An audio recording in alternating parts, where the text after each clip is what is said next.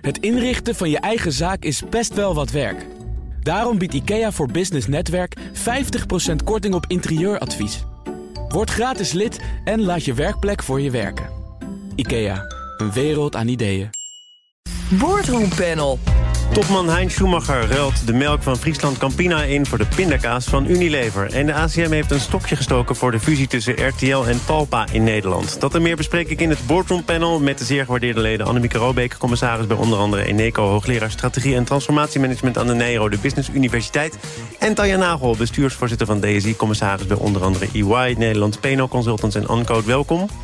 Dankjewel. Dankjewel, Thomas. Laten we maar uh, bij de media beginnen. De fusie tussen RTL Nederland en Talpa Networks gaat niet door. Anderhalf jaar na de aankondiging hebben de bedrijven geen toestemming gekregen... van de autoriteit Consument en Markt. Volgens de toezichthouder zouden de bedrijven... een te machtige positie in het commerciële medialandschap krijgen. En dan dat is precies waar de ACM natuurlijk op moet letten. Ja. Kun jij, dat gezegd hebbende, deze redenatie volgen? Nou, ik vind dat ze met anderhalf jaar wel heel lang de tijd daarvoor genomen hebben. Want dat had je ook uh, met twee weken uh, onderbouwd kunnen zeggen. Dus ik denk vanuit uh, ACM van waarom zo lang? En dat is niet goed voor beide bedrijven. Uh, maar ik vind het met name kwalijk dat de ACM anderhalf jaar neemt voor iets wat iedere econoom ook al meteen had kunnen zien als je uh, ziet hoe groot het is. En er komt bij uh, dat we in een klein land zitten met een grote mediadichtheid, maar ook een heel groot media-exportpakket. Uh, en dat dit uh, uh, wel meegenomen had kunnen worden, dat je ook een heel groot mediahuis had kunnen hebben, wat juist een veel grotere Europese en internationale. Ja, en daarom heeft het zo lang geduurd. Ja, Omdat ja. de vraag volgens mij was: moeten we dit bekijken vanuit een nationaal perspectief, vanuit Nederland, of gaan we mee in het standpunt van Talpa en RTL? Wij boksen op tegen grote internationale streamingdiensten neem de wereld als speelveld. Ja, ik vind het ook wel een beetje lastig om te kunnen beoordelen. Anderhalf jaar klinkt natuurlijk waanzinnig lang. Hè? En ik denk ja. zeker dat het misschien wel korter had gekund. Maar het is bij, bij de ACM, en dat, ik maak wat vaker de FM mee. Uh, die staan, zeggen dan standaard 13 weken. Maar die zetten natuurlijk elke keer de klok stil als ze vragen hebben gesteld waar ze op de antwoorden moeten wachten. Dus ja, weet je, dan ligt de waarheid waarschijnlijk toch ook ergens in het midden. Hoe snel het dan met die antwoorden is gekomen. Of je moet, zoals jij zegt, ja, weet je, een beetje economisch ja. kunnen bedenken dat, dat de uitkomst X is. Ja. Maar dan heb je dus ook niet de kans gegeven aan to nadere toelichting, andere partijen erbij betrokken. Dus en dat is hier wel gebeurd, hè? Ja, Ze hebben nog een keertje ja. een gang gemaakt uh, langs de stakeholders. En die bedrijven, Talpa en RTL, hebben nog wat concessies kunnen doen. Remedies, als je dat formeel moet uitdrukken. Ze hebben de advertentieinkoop uitbesteed. Uh, tenminste, dat was het idee. Ja, maar toch, hè, ja, ik denk van vestigingsplaats Nederland. Hè, jullie hebben het in het vorige uh, item er ook over gehad. Ik denk, dit was, zou toch juist voor uh, de internationale media een geweldige sprong geweest zijn. En ik denk ook een vernieuwingskans voor beide bedrijven. Om het echt na zoveel jaar hetzelfde wat anders te kunnen maar gaan wacht doen. Wel even. Net dacht ik, je bent na twee weken tot een conclusie Ja, gekomen. Dit kan eigenlijk niet. Nee, als je, vanuit, als je kijkt vanuit Nederlands perspectief, als je zegt van dit zijn Nederlandse spelers, maar zij maken formats en ze werken ook met heel veel partijen samen die echt internationale formats maken. En dit had gewoon een hele mooie springplank kunnen zijn. Oké, maar nu, ben- nu ben je toch eventjes Martijn Snoep van de ACM. Ja. Zeg je dan, ik hanteer die internationale context? ja, zou ik doen. Ik zou het hem zeker Europees genomen hebben. Ja. Ik weet niet of jij graag Martijn Snoep zou willen zijn, Tanja. Maar als ik jou die vraag stel. ja, ik moet je eerlijk zeggen dat ik dan niet zo goed weet of de rijkwijde van de ACM zo ver strekt. Nou ja, dan is ook de vraag of de ACM hierover moet gaan. Ja, nou ja, denk dat is ik, dan de toch? volgende vraag. Ja. En dan is de vraag: gaan ze naar de rechter of niet? Ja, maar goed, eh, ja. Nou, ik ik, ik eh, las in eerdere artikelen wel dat eh, de ACM ook zijn tijd genomen heeft. Omdat dit een belangrijke uitspraak is. En eh, als daar blijkt er toch iets op af te dingen te zijn, juridisch gezien, dan wil je niet in je hem staan. Dus timmer je het maar helemaal dicht. Ja, dat denk ik inderdaad wat ze gedaan hebben. En dan zullen ze met heel veel juristen gesproken hebben. Die nemen altijd de tijd. Ik heb ook eh, de tijd gehad om even te spreken met de topman van RTL. Afgelopen Ja. maandag was dat, Sven Sauvé. En die Ja. haalde ook nog aan Netflix, Amazon Prime. Daar moeten we Mhm. naar kijken. Dit zei hij over het afketsen van de fusie. Wat er eh, in onze ogen had kunnen gebeuren als de eens doorgaan, is dat we met z'n allen heel veel geld hadden kunnen besparen in activiteiten waar we nu een overlap hebben. En dat geld hadden wij allemaal willen investeren in eh, Nederlandse content, in techniek en ook een, een duidelijk marketingverhaal naar de Nederlandse consument waar deze content te vinden is. Eh, wij denken dus uiteindelijk dat een sterke Nederlandse speler ervoor had kunnen zorgen dat er een goed eh, alternatief is ten aanzien van de internationale concurrenten voor zowel de Nederlandse kijker als de Nederlandse adverteerder. Die Nederlandse adverteerder was er beter van geworden. De Nederlandse kijker was er beter van geworden. Er was veel distributie geweest, dus producenten hadden aan de slag gekund. Tanja, ja, als je het zo hoort en je laat de ACM bezwaren weg... dan denk je, nou, dit is behoorlijk overtuigend, of niet? Um, ja, dat kun je zeggen. En je kunt ook zeggen, want dat is natuurlijk wat Ruud Hendricks ook in een uh, interview aangaf. Ja, weet je, nu is Talpa gewoon ten dode opgeschreven. Hebben, hebben niks wat vergelijkbaar is met Netflix of Videoland of weet ik veel wat. Dus ja, hè, wat, wat maakt het dan uit? Dan hadden ze het net zo goed wel over kunnen nemen. Ja, ik, ik blijf het toch een beetje lastig vinden als je niet alle overwegingen hebt kunnen lezen op basis mm. waarvan de ACM besloten heeft. Ja, dat kan ook nog niet, hè? Want uh, volgens mij wordt het vonnis pas over een paar weken echt openbaar. Uh, overigens hebben die bedrijven nu wel gezegd, uh, daar gaan we niet op wachten. Nee. Het zit er voor ons niet meer in. Dat lijkt me logisch. Nee, ik denk ook dat RTL er strategisch gezien ook meer kansen heeft en gewoon de eigen weg gaat. En dat zullen ze ook al afgelopen maanden bekeken hebben. Want als het zo lang duurt, kun je ze ook wel eens een keertje je gaan aftellen en denken, nou dat wordt het waarschijnlijk. Nou ja, en er is in Frankrijk volgens mij het soort gelijks uh, aan de hand geweest met twee grote mediabedrijven. En die mochten ook niet samen gaan. Nee. Uh, dan had je dus ook al kunnen kijken naar wat er in Nederland dan zou kunnen spelen. Maar goed, we hebben zo'n fantastische verhouding tegenwoordig met Frankrijk. Dus ja, misschien zit hier wel een nieuw huwelijk in. Ja, over huwelijken gesproken. Jij zegt uh, RTL zal zijn eigen weg wil gaan. En er is nog wel enige overlevingskans denkbaar. Maar DPG ja. heeft eerder gezegd, de persgroep. Ja. wij zijn geïnteresseerd in specifiek in RTL. Nu zeggen ze iets minder specifiek. Wij blijven interesse houden in Nederlandse televisie. Ja. Is dat, is dat mooi uitgedrukt? Uh, ja, het is mooi uitgedrukt. Uh, het, is, uh, het is in ieder geval dat ze um, in de gegadigde hoek willen blijven zitten. maar het is, de, het is wel de vraag of je. ik heb zelf natuurlijk ook veel in de, geschreven media gezeten. Um, maar in hoeverre je echt ook die hele slag gaat maken. Want televisie is wel wat anders en de formats maken. En dat doen die, deze bedrijven natuurlijk toch met een heel netwerk van heel, weer heel gespecialiseerde bedrijven. En nogmaals, daar zijn we goed in in Nederland. We gaan naar uh, specialistische juridische kennis, vooral van toepassing in Texas. BNR Nieuwsradio. Zaken doen. Thomas van Zeil. Ja, het is misschien eh, wat snel om naar het tweede deel van dit panel over te gaan... maar het is ook wel een eh, kwestie die wat tijd vraagt. Annemieke Robeek en Tanja Nagel zijn hier. De Amerikaanse farmaceut Johnson Johnson krijgt van de rechter geen toestemming... om via een faillissement onder meer uh, dan 40.000 rechtszaken uit te komen. Het medische bedrijf werd aangeklaagd omdat het talkpoeder kankerverwekkende stoffen bevat. En dan komen we meteen bij de Texas Two-Step. Wie van jullie voelt zich geroepen om die even toe te lichten? Nou, zal ik het doen? Het is Tanja Nagel geworden. Dank. Nou, de decreet als zodanig vind ik wel heel mooi. Want uh, je denkt meteen aan dansen, maar dat blijkt het niet te zijn. Um, we hebben natuurlijk allemaal federale wetgeving in Amerika... waardoor er per staat uh, andere wetgeving van toepassing kan zijn. En in dit geval is er in de staat Texas een uh, wet... die bepaalt dat je een bedrijf zou mogen opsplitsen... en een gedeelte um, in een dochteronderneming kan onderbrengen... waarin je um, een bak geld stort en daar alle vorderingen van uh, uh, mensen kunt onderbrengen. Uh, en dat is ooit in de jaren tachtig bedacht. Maar niet voor de situatie waar we het in het geval van Johnson Johnson over hebben. Dus daarom heeft de rechter ook aangegeven dat dat in dit geval niet aan de orde zou kunnen zijn. Overigens is er eerder sprake geweest van een rechtszaak in Missouri, waar ik kon het me eigenlijk niet voorstellen, maar waarbij 22 vrouwen 2,1 miljard uitgekeerd zouden hebben gekregen door Johnson Johnson. Ik hoop dat de komma daar verkeerd stond. Maar zelfs dan, ja. uh, als we het nu over 40.000 uh, claims hebben, dan kun je met een bedrijf wat uh, een winst van 18 miljard dollar maakt, nog steeds wel enorme risico's lopen. Het bedrijf is 440 miljard waard. Ja. Dus het zal wel even duren, maar het is natuurlijk nogal een constatering. Maar je bepaalt ook als bedrijf in deze constructie zelf wat de zak geld is die je dat bedrijf dan meegeeft. Ik geloof dat ze hier hebben gekozen voor 2 miljard, maar het had ook veel meer of veel minder kunnen zijn. Dat, dat is toch ook eigenlijk een beetje vreemd, of niet? Ja, maar nogmaals, die wetgeving was dus ook helemaal niet gebaseerd uh, op, op dit soort constructies. Dus het is ook ik denk dat het volkomen logisch is dat het nu niet doorgaat. Um, maar het, het, is natuurlijk ook bedoeld geweest om te zorgen dat de going concern van een bedrijf gewoon door kan gaan in plaats van dat het hele bedrijf wordt platgelegd. En als je dan een bedrag reserveert in een onderneming die recht doet aan de claims die er zijn, of recht lijkt te doen, dan heb je een hele andere situatie dan nu het geval is. Ja, ik denk ook, weet je, dit is uh, een geitenpad zoeken. Heel bewust en het mag wat kosten.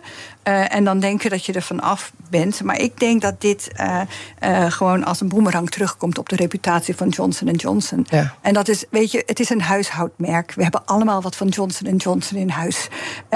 en je hebt altijd gedacht, nou, het is toch een gedegen goed product. En als je op deze manier eigenlijk ehm, als onderneming bezig bent, dan is dat niet goed. En ik geef deze rechter helemaal gelijk. Nee, ja, kennelijk ook in de wetenschap dat ze het zelf al jaren geweten hebben dat het kankerverwekkend was. Ja. er is een andere rechter geweest en die heeft dan weer eh, een andere uitspraak gedaan. Namelijk eh, ook een faillissement uh, dat is in het voordeel van gedupeerden. Want uh, als je de juridische weg moet bewandelen via massaclaim... dan ben je vaak jaren verder en de uitkomst is ongewis. Dus zowel het bedrijf weet dan waar het bedrijf aan toe is... als de gedupeerde. Want namelijk zit er wat in het vat of niet. Maar je had dat ook zelf als Johnson Johnson... heel netjes met die klanten kunnen doen. Hè? Eh, Tanja gaf net ook een ander voorbeeld van, uh, van een groep vrouwen... die uh, eigenlijk ook als gedupeerde um, in het gelijk gesteld zijn. Ik denk dat je... Je, je bedoelt als, als Johnson Johnson zelf een stap gezet had... Ja. was de som misschien niet helemaal op 2,1 miljard uitgekomen? Nou, je had je ook kunnen zeggen van, nou ja, dit hebben wij dus echt verkeerd gedaan. Um, doe maar een beetje de Japanse manier. Heel diep buigen en zeggen, dit is fout, uh, sorry. Uh, maar we komen hier goed. we, we, we schuilen ons niet weg. We nemen niet het geitenpad, we nemen de normale weg. maar en dan blijf je maar wat waar fout is, en dat gaf Tanja ook al aan... dat hangt ook heel erg af blijkbaar van de staat. Hè? dus er zijn vrouwen met dezelfde klachten, ja. uh, dus dezelfde bezwaren ook... en de ene vrouw krijgt uh, wel een vergoeding... en de andere vrouw vist vist achter het net. Dat is toch vreemd? Maar dat is de Amerikaanse uh, federale staat met de eigen uh, wetgeving. Ja, en daarom heet het ook de Texas Two-step, omdat ja, het alleen precies. hier uh, ja. mogelijk is. Um, is dit nu iets, Johnson Johnson zeg je, dat is een heel groot merk. Daarvan denk je dat is allemaal op orde. Maar een, een, een uitweg waar, waar meer bedrijven toch al hun geluk hebben gezocht? Nou ja, we hebben natuurlijk wel vaak, en dat kent Tanja nog beter dan ik... maar vanuit de financiële sector en ook in de energiesector... weten we ook wel wat is de good bank of de new bank... en wat is de bad bank. Uh, en als je zo'n constructie maakt en dat openlijk doet, uh, dan is het wat anders. Maar dit is ook nog als dochterbedrijf. Ja, en, en ik, ik meen ook gelezen te hebben. Nee, ik heb gelezen, maar je weet nooit wat er waar is voor je mhm. leest. Maar dat ze ook kennelijk onderzoekers hebben betaald om positieve uitslagen te geven uh, over uh, de producten, terwijl ze wisten dat het niet klopte. Weet je, als je dat allemaal bij elkaar neemt, dan kom je met die reputatie nooit meer uh, in het reinen, denk ik. Nee, dan zit je gewoon in dezelfde hoek van, van de sigaretten, uh, van uh, de oliecompanies die ontkend hebben dat het kwalijk, dat, dat alles gezond was wat ze deden, en noem maar op. dus ja, je zit, je zit in de verkeerde hoek en dat zal Johnson Johnson, denk ik, gaan merken. Ik sprak hier afgelopen dinsdag over met onze beursanalist Koen Bender. En die ja. zei: Ik zou het ze afraden. Maar er zijn natuurlijk meer bedrijven, zelfs bedrijven met een Nederlands tintje. Ik noem Philips met een groot probleem. Ook ja. in Amerika met die slaapapneuapparaten nogmaals, hij zou het ze afraden. Maar ja, ook daar zou je kunnen zeggen... Ja. parkeer alles wat er verkeerd gaat... parkeer die mogelijke massaclaims in een ander bedrijf... zodat je de rest van het bedrijf, de rest van Philips... het gezondere Philips, beschermt. Ja, maar dan ben je echt bezig, zeg maar... een, een, een bad bank en een good bank... of een newco en, en bestaande te maken. Wat we ook kennen uit de energiebedrijven. Dus waar de fossiele dingen in blijven... en waar de, hernieuw, waar de hernieuwbare energie in zit. En dat is heel helder. Dan zit er een heldere koffer op. Er zit een heldere structuur en het is geen geitenpad. Nee, en het, dan zou je ook een reële waarde moeten hebben, moeten maken van de claims die kunnen komen. En er is hier geen sprake van een financieel faillissement. Wat eigenlijk nee. wel van toepassing zou moeten zijn, ook voor die wetgeving in Texas. Is dat zo? Want ik las, ik meen gelezen te hebben, want je weet nooit precies of het klopt, dat je in Amerika niet insolvent hoeft te zijn om dat faillissement aan te vragen. Zolang je maar ter goeder trouw bent.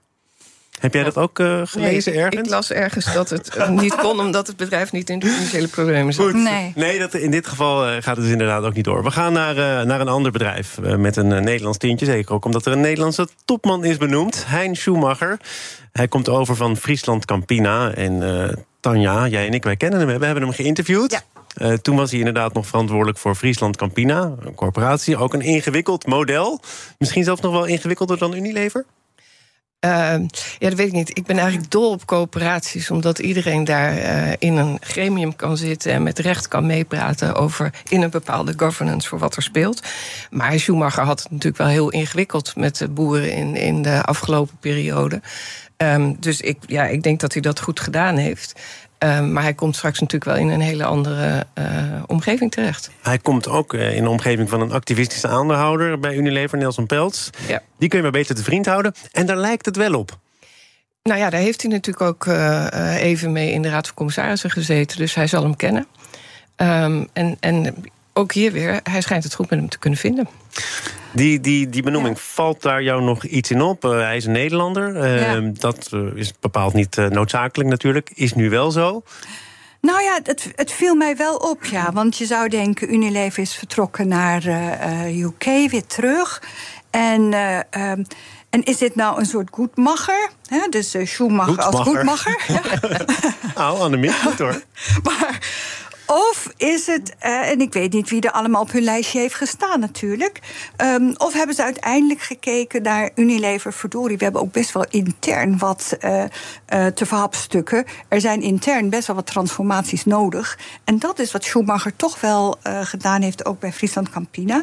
En hij kan wel met stakeholders omgaan. Ik denk niet dat hij zeg maar de groene paus wordt. Hè, maar daar heeft Unilever geloof ik ook niet meer zo'n behoefte aan. maar hij, ik denk dat zijn rol vooral naar binnen is. En dat maakt natuurlijk ook dat hij um, heel lang CFO geweest is. dus hij hij zal denk ik het veel meer nou, technocratischer aanpakken. Uh, en ik denk dat Unilever vele malen eenvoudiger is dan Friesland Campina. Want of je nou al die boeren met tractoren hebt die voor je staan, of dat je gewoon divisiedirecteuren hebt en eventueel nog een uh, activistisch aandeelhouder waar je toch al goed mee even de verhoudingen. Een krappe 23.000 medewerkers in 32 landen. Dat is Friesland Campina. Unilever 150.000 medewerkers, 190 landen. Maar, ja, maar die ziet hij niet. Dus niet Ja zijn gewoon alle landen van de wereld zo ongeveer. Ja, maar die ziet hij niet. Dat is allemaal in die divisies. Dat is allemaal zeg maar, goed weggeregeld. Uh, en nogmaals, dat komt niet zo dicht bij je. Dus het kan best zijn dat de functie uh, meer bestuurlijk, technocratisch op de financiën en op een nieuwe structuur uh, intern is. en minder um, zeg maar, met de boze buitenwereld. Maakt de schaal dan echt niet zoveel uit? Je, je zegt terecht bijna alle landen van de wereld. Ja, ik denk zeker dat het wel uitmaakt. Maar dat wil niet zeggen dat hij het niet uit aan kan. Mm. En te denk ook wat Annemiek zegt. Als hij zich kan focussen op die dingen die nu van, van belang zijn voor Unilever. Dan, dan maakt het misschien helemaal niet uit hoeveel medewerkers er zijn. Als je maar zorgt dat die lagen onder de raad van bestuur op orde zijn. Dan gaat dat natuurlijk best goed. En ik denk toch dat het een voordeel is dat hij daar al een tijdje in die raad van commissarissen heeft gezeten. Ja, wel een heel kort tijdje, toch? Ja, dat is zo. Maar je hebt wel veel meer inzicht kunnen krijgen dan wanneer je zomaar van buiten naar binnen komt. En het is altijd een, eh, een um, nou best wel een pad geweest hè, van Unilever naar Friesland Campina van Friesland Campina naar Unilever. Dat, dat, die, die spreken best wel meer dezelfde taal dan je misschien denkt. En als het in zo'n uh, geglobaliseerde wereld is, hè, 190 landen zeg je al, uh, Schumacher de Goedmacher, we houden hem er even in. Zou dat een overweging kunnen zijn, Tanja? Dat het een Nederlander is? Na het vertrek van Unilever uit Nederland? Ik denk het niet. Ik denk dat de belangen groter zijn bij Unilever dan die afweging te maken of het iemand is eh, vanuit Nederland.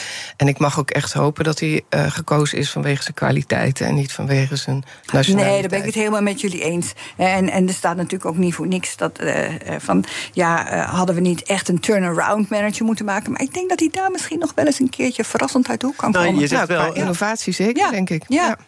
Denk maar, maar jij zegt wel, het zal geen groene pauze worden. Hè? Daar heeft uh, Unilever misschien ook wel eens een bekomst van na Polman. En Joop was ook niet echt een groene pauze. Maar toch, als je op lange termijn wil redden, zou je toch iets moeten doen aan maatschappelijk verantwoord ondernemen. Zeker. Ik ben misschien nog enigszins beïnvloed door het gesprek dat ik eerder had, maar toch? Goed gesprek was dat over. Oh, dank u wel. ja, je was fel, maar het was goed.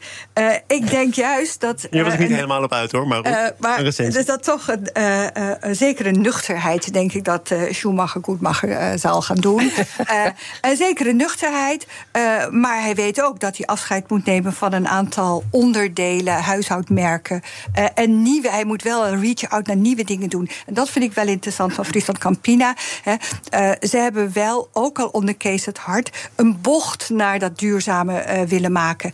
En nogmaals, de boeren zijn niet altijd op de hand geweest daar van uh, de top van, Friesland Campina. Maar hij is wel al helemaal in die richting. Dus ja, ik, ik wens hem heel veel geluk. Nou heb ik ook stukken gelezen in internationale kranten... waar ze iets minder bezig zijn met of het nou Nederlander is of niet. Maar het moest vooral iemand zijn met een bepaald profiel.